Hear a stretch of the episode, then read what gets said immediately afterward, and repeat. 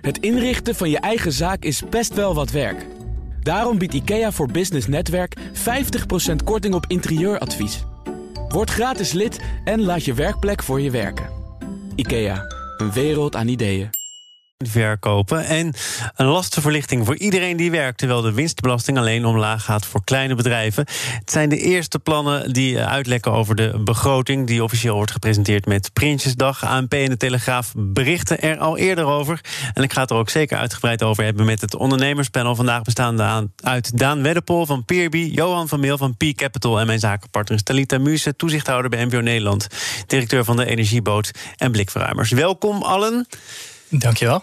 En jullie zijn hier allemaal al heel veel vaker geweest en tot groot genoegen. Dus jullie weten ook dat ik nu vraag naar je eigen nieuws van de afgelopen week. Daan. Ja, uh, ik heb eh, voor de afwisseling weer eens eigen nieuws. Um, ik ben van Peerby, zoals je weet, een website waar je spullen kan lenen en huren van mensen in de buurt. En uh, we hebben een deal getekend met een distributiecentrum. En dat uh, klinkt misschien allemaal niet zo speciaal, maar voor ons is dat heel bijzonder, want we hebben altijd alles gedaan met mensen in de buurt. Maar we zagen, ja, niet alles is overal beschikbaar. Dus kunnen we ervoor zorgen dat we bepaalde dingen ook wat meer centraal hebben, zodat we het, de voorraad in de wijk kunnen aanvullen.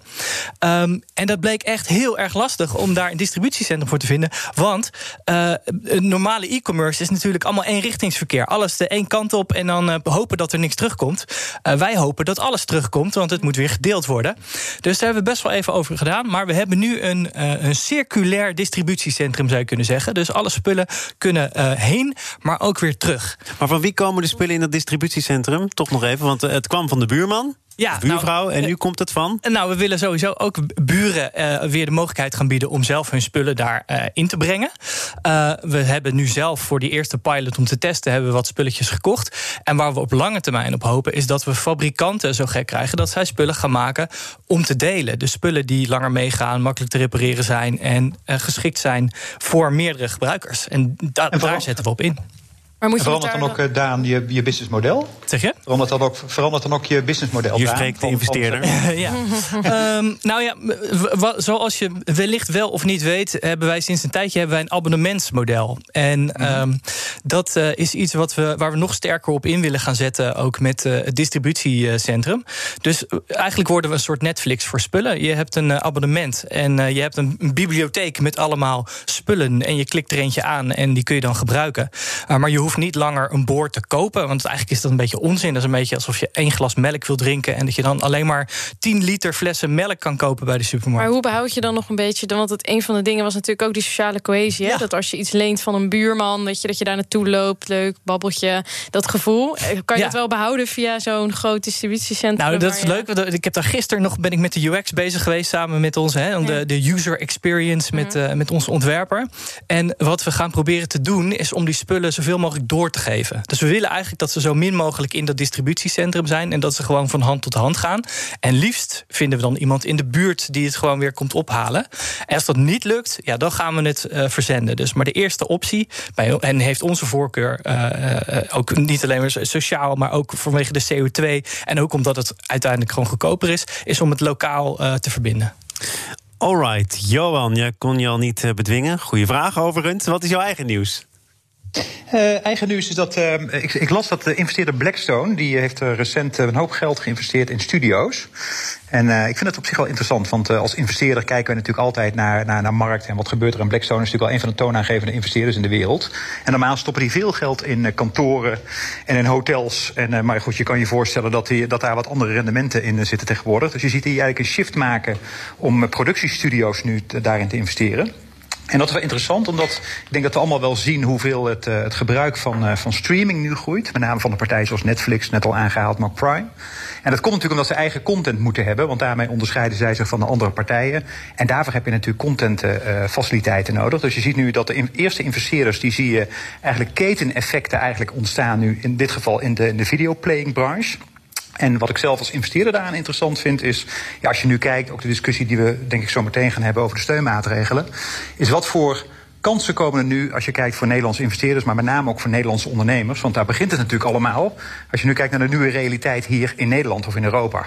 En ik denk dat, dat, dat de, de nieuwe tijd die er nu eigenlijk aankomt, die biedt natuurlijk voor heel veel bedrijven bedreiging. En ik denk dat we ook. Uh, gewoon eigenlijk als Nederlandse overheid moeten we bedrijven helpen te faciliteren die switch te maken. Maar het biedt ook voor investeerders en ondernemers veel mogelijkheden om in nieuwe dingen te stappen. En om echt nieuwe kansen te zien. En ik denk, nou, daarom een oproep aan alle luisters van BNR. Kijk goed om je heen en kijk naar je eigen gedrag. En kijk naar welke kansen er zijn. Want het helpt denk ik voor iedereen om die shift te maken. Ja. Um, dat is misschien ook uh, een zeer raadzaam advies, omdat corona er nog wel een tijdje is. Dat weet ook uh, de overheid. En dus is er nu um, al meer bekend over een derde steunpakket. Het is overigens nog niet officieel gepresenteerd.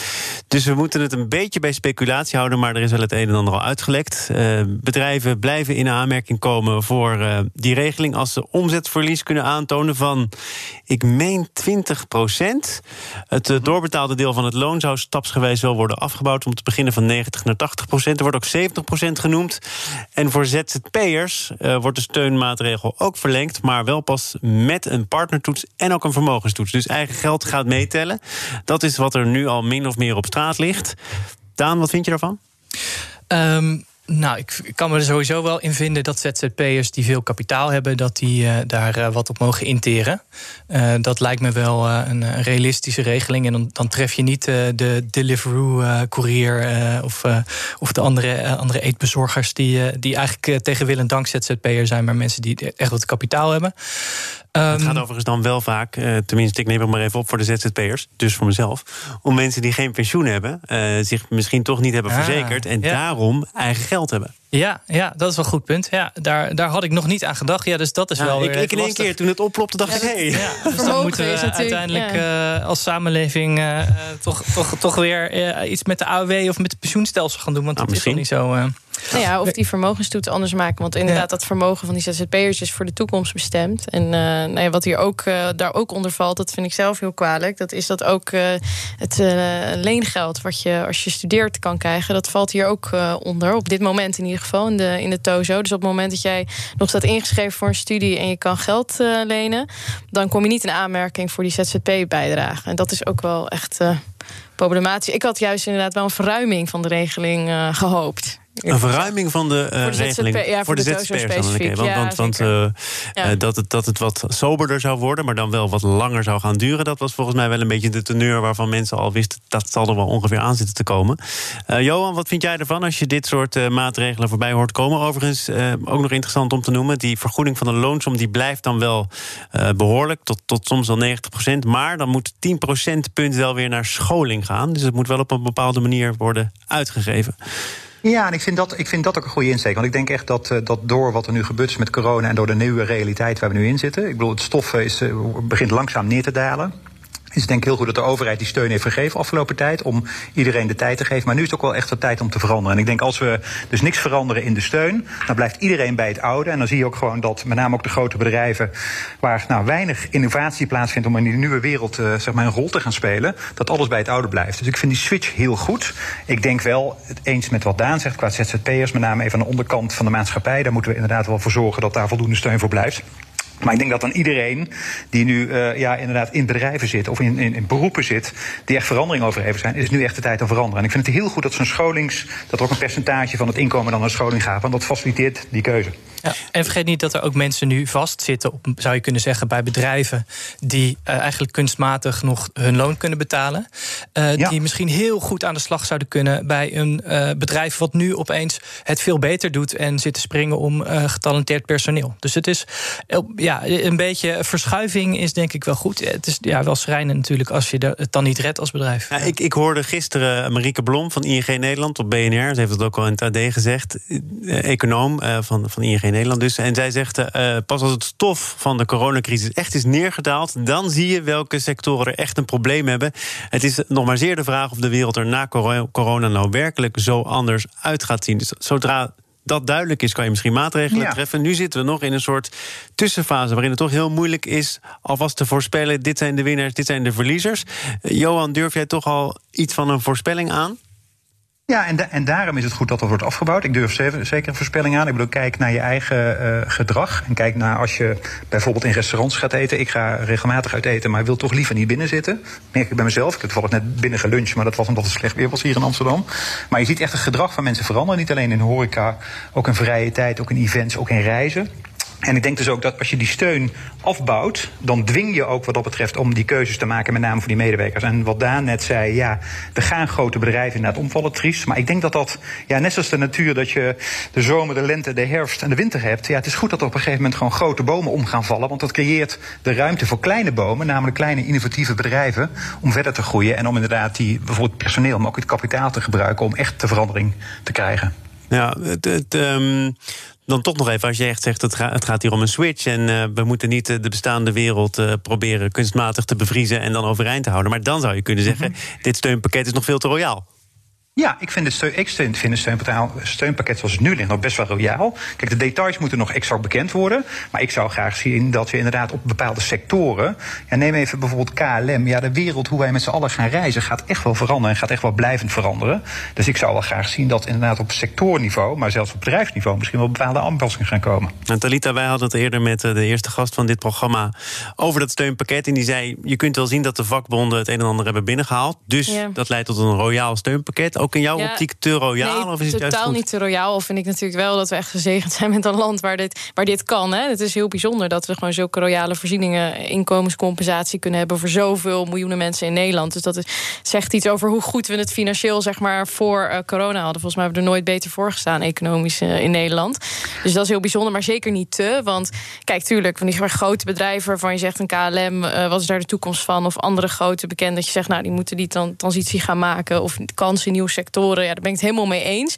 Maar dit is natuurlijk wel force majeure. En natuurlijk mag je op een gegeven moment van bedrijven en sectoren verwachten pak de nieuwe kansen en maak een switch. Maar dit gaat ook over heel veel MKB-ondernemers die, uh, uh, ja, dat is, is tegelijkertijd ook natuurlijk gewoon een tragedie. En je hebt ook te maken dat mensen moeten natuurlijk nog wel kunnen besteden. We hebben het eerder in de uitzending gehad over je huren kunnen blijven betalen. Ik vind het niet te royaal. Dit is, dit is wel echt nodig, want we zitten gewoon in de grootste economische klap ooit sinds de Tweede Wereldoorlog. Dus daar past denk ik wel deze, deze maatregelen bij. Tot slot, ja, de vraag, en de vraag even, ja, ja, Daan, Daan kijkt ook veel, veelbelovend en veel betekenend. Uh, ja, uh, jongens, ik zit, was, ja, ik had er nog iets over te zeggen, maar dat ben ik nu kwijt. Dus, ja, maar dan word je gered door de jingle. Ja, Komt gelukkig. Zaken doen. Daan Wedderpol is er weer helemaal bij. Geldt ook voor Johan van Meel. En Talita Muus is mijn zakenpartner. Is er al bijna twee uur bij, dus nu ook. Um, het is uh, toch nog weer gelukt om... Uh, een begroting te presenteren. Nog niet officieel trouwens, dat komt met Prinsjesdag... maar er is zoals gebruikelijk ook al het een en ander bekend geworden.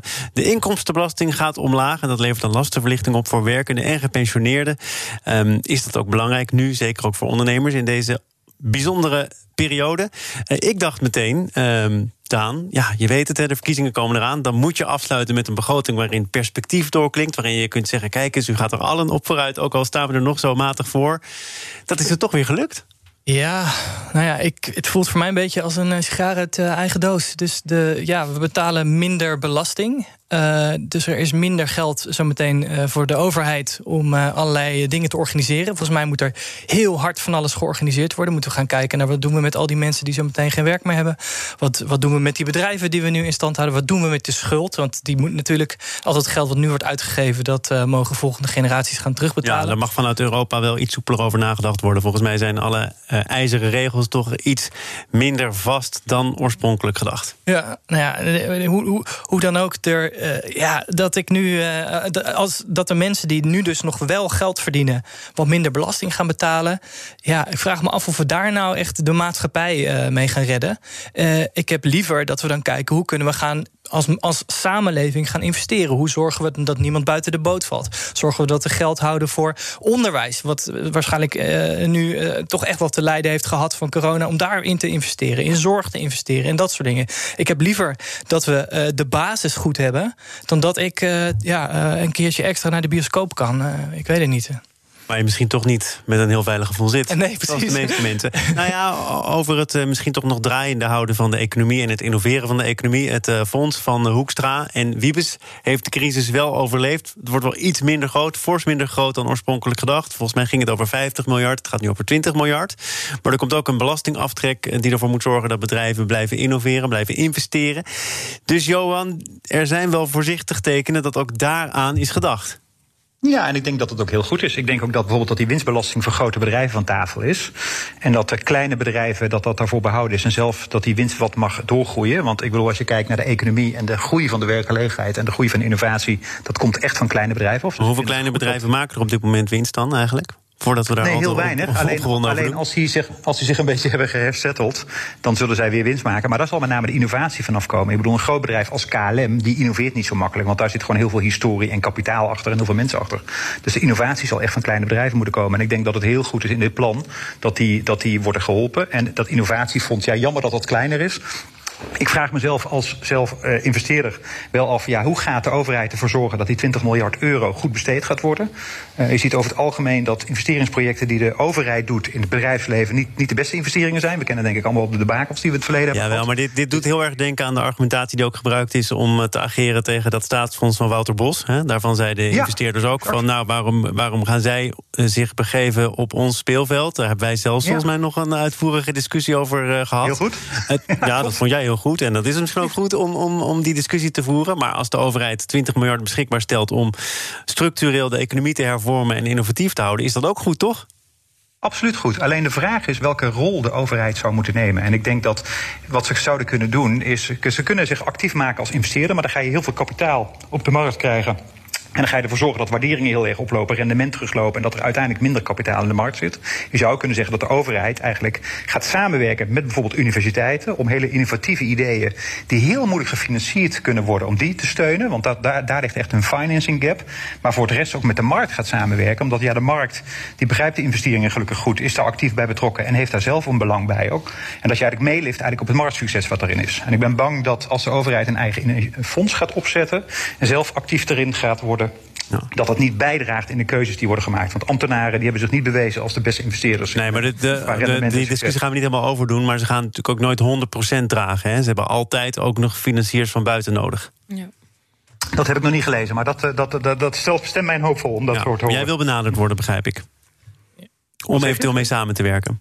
Ja, ja absoluut, absoluut. Daar staan we erg voor open. Ik denk alle investeerders in Nederland. Ik denk dat het ook goed is als er uh, ja, investeerders bij betrokken worden. Want als ik kijk naar innovatieregelingen die de overheid opstelt, dan als ik, als ik dat formuliertje uh, weer invul, dan denk ik, nou, als ik dit goed kan invullen, dan garandeert dat in feite dat het niet meer innovatief is.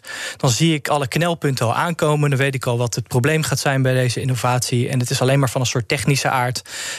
En kennelijk zijn er geen sociale of ecologische of wat dan ook uitdagingen in een, in een bedrijf.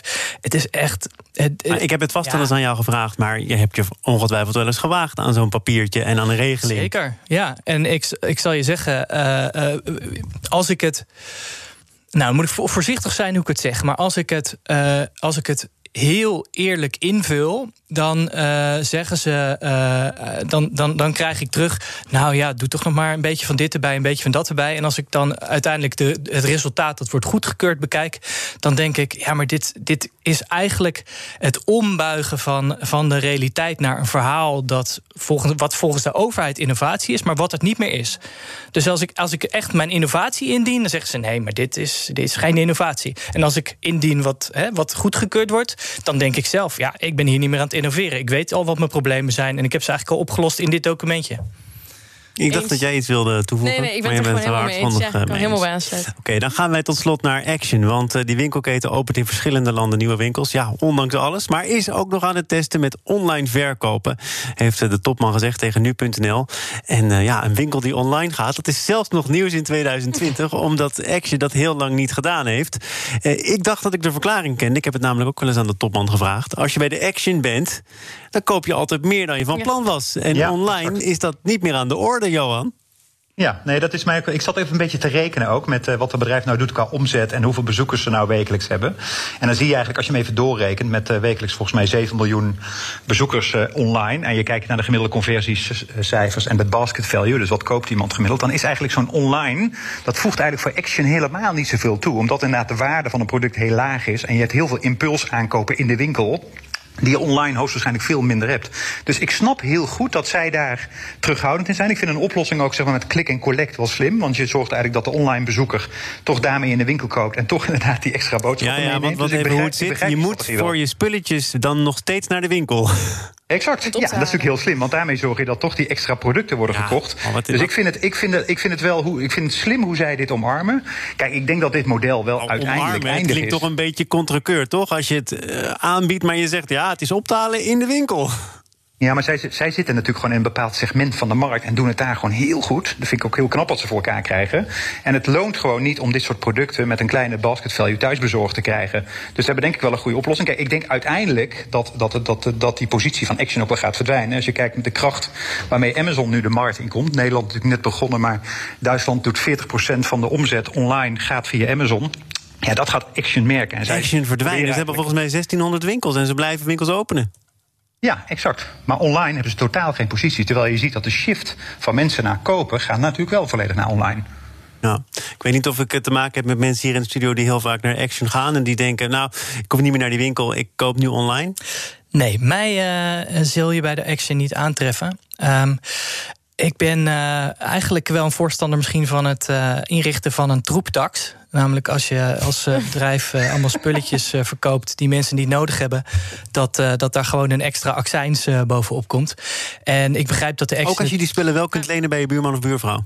Als je die spullen kunt lenen. Bij de, nee, als je ze niet nodig hebt, dan ga je ze ook niet lenen. Kijk, dat is het mooie aan lenen of huren. Dan, dan ga je echt niet. Je gaat echt niks lenen wat je niet nodig hebt. Dus al die spullen van de Action, die komen bij ons uh, nee, niet tot nauwelijks voorbij.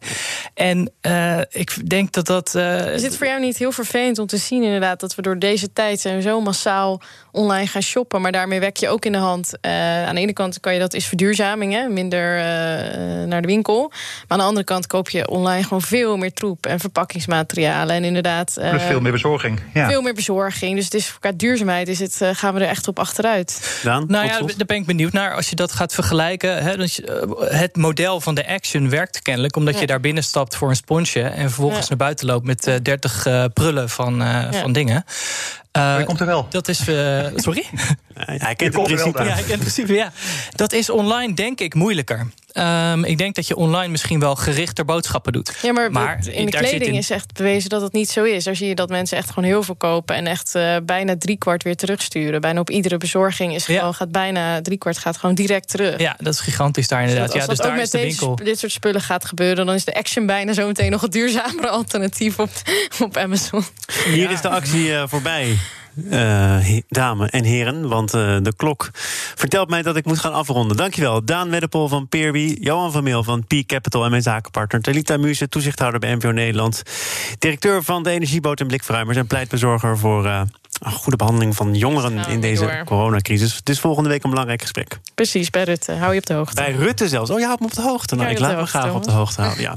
Uh, dit was het voor vandaag. Uh, maandag dan is er weer een uitzending. En dan gaat het over NEDAP, technologiebedrijf. Uh, heeft tot nu toe weinig last van de coronaproblematiek. Um, wat staat er allemaal nog te wachten voor het technologiebedrijf uit Groenlo? Dat hoor je van topman Ruben Wegman, die maandag te gast is in dit programma. Zometeen eerst Newsroom. Dat is de dagelijkse podcast van het FD en BNR. Vandaag gepresenteerd door Martijn de Rijk. Veel plezier, goed weekend, tot maandag. Het inrichten van je eigen zaak is best wel wat werk. Daarom biedt IKEA voor Business Netwerk 50% korting op interieuradvies. Word gratis lid en laat je werkplek voor je werken. IKEA, een wereld aan ideeën.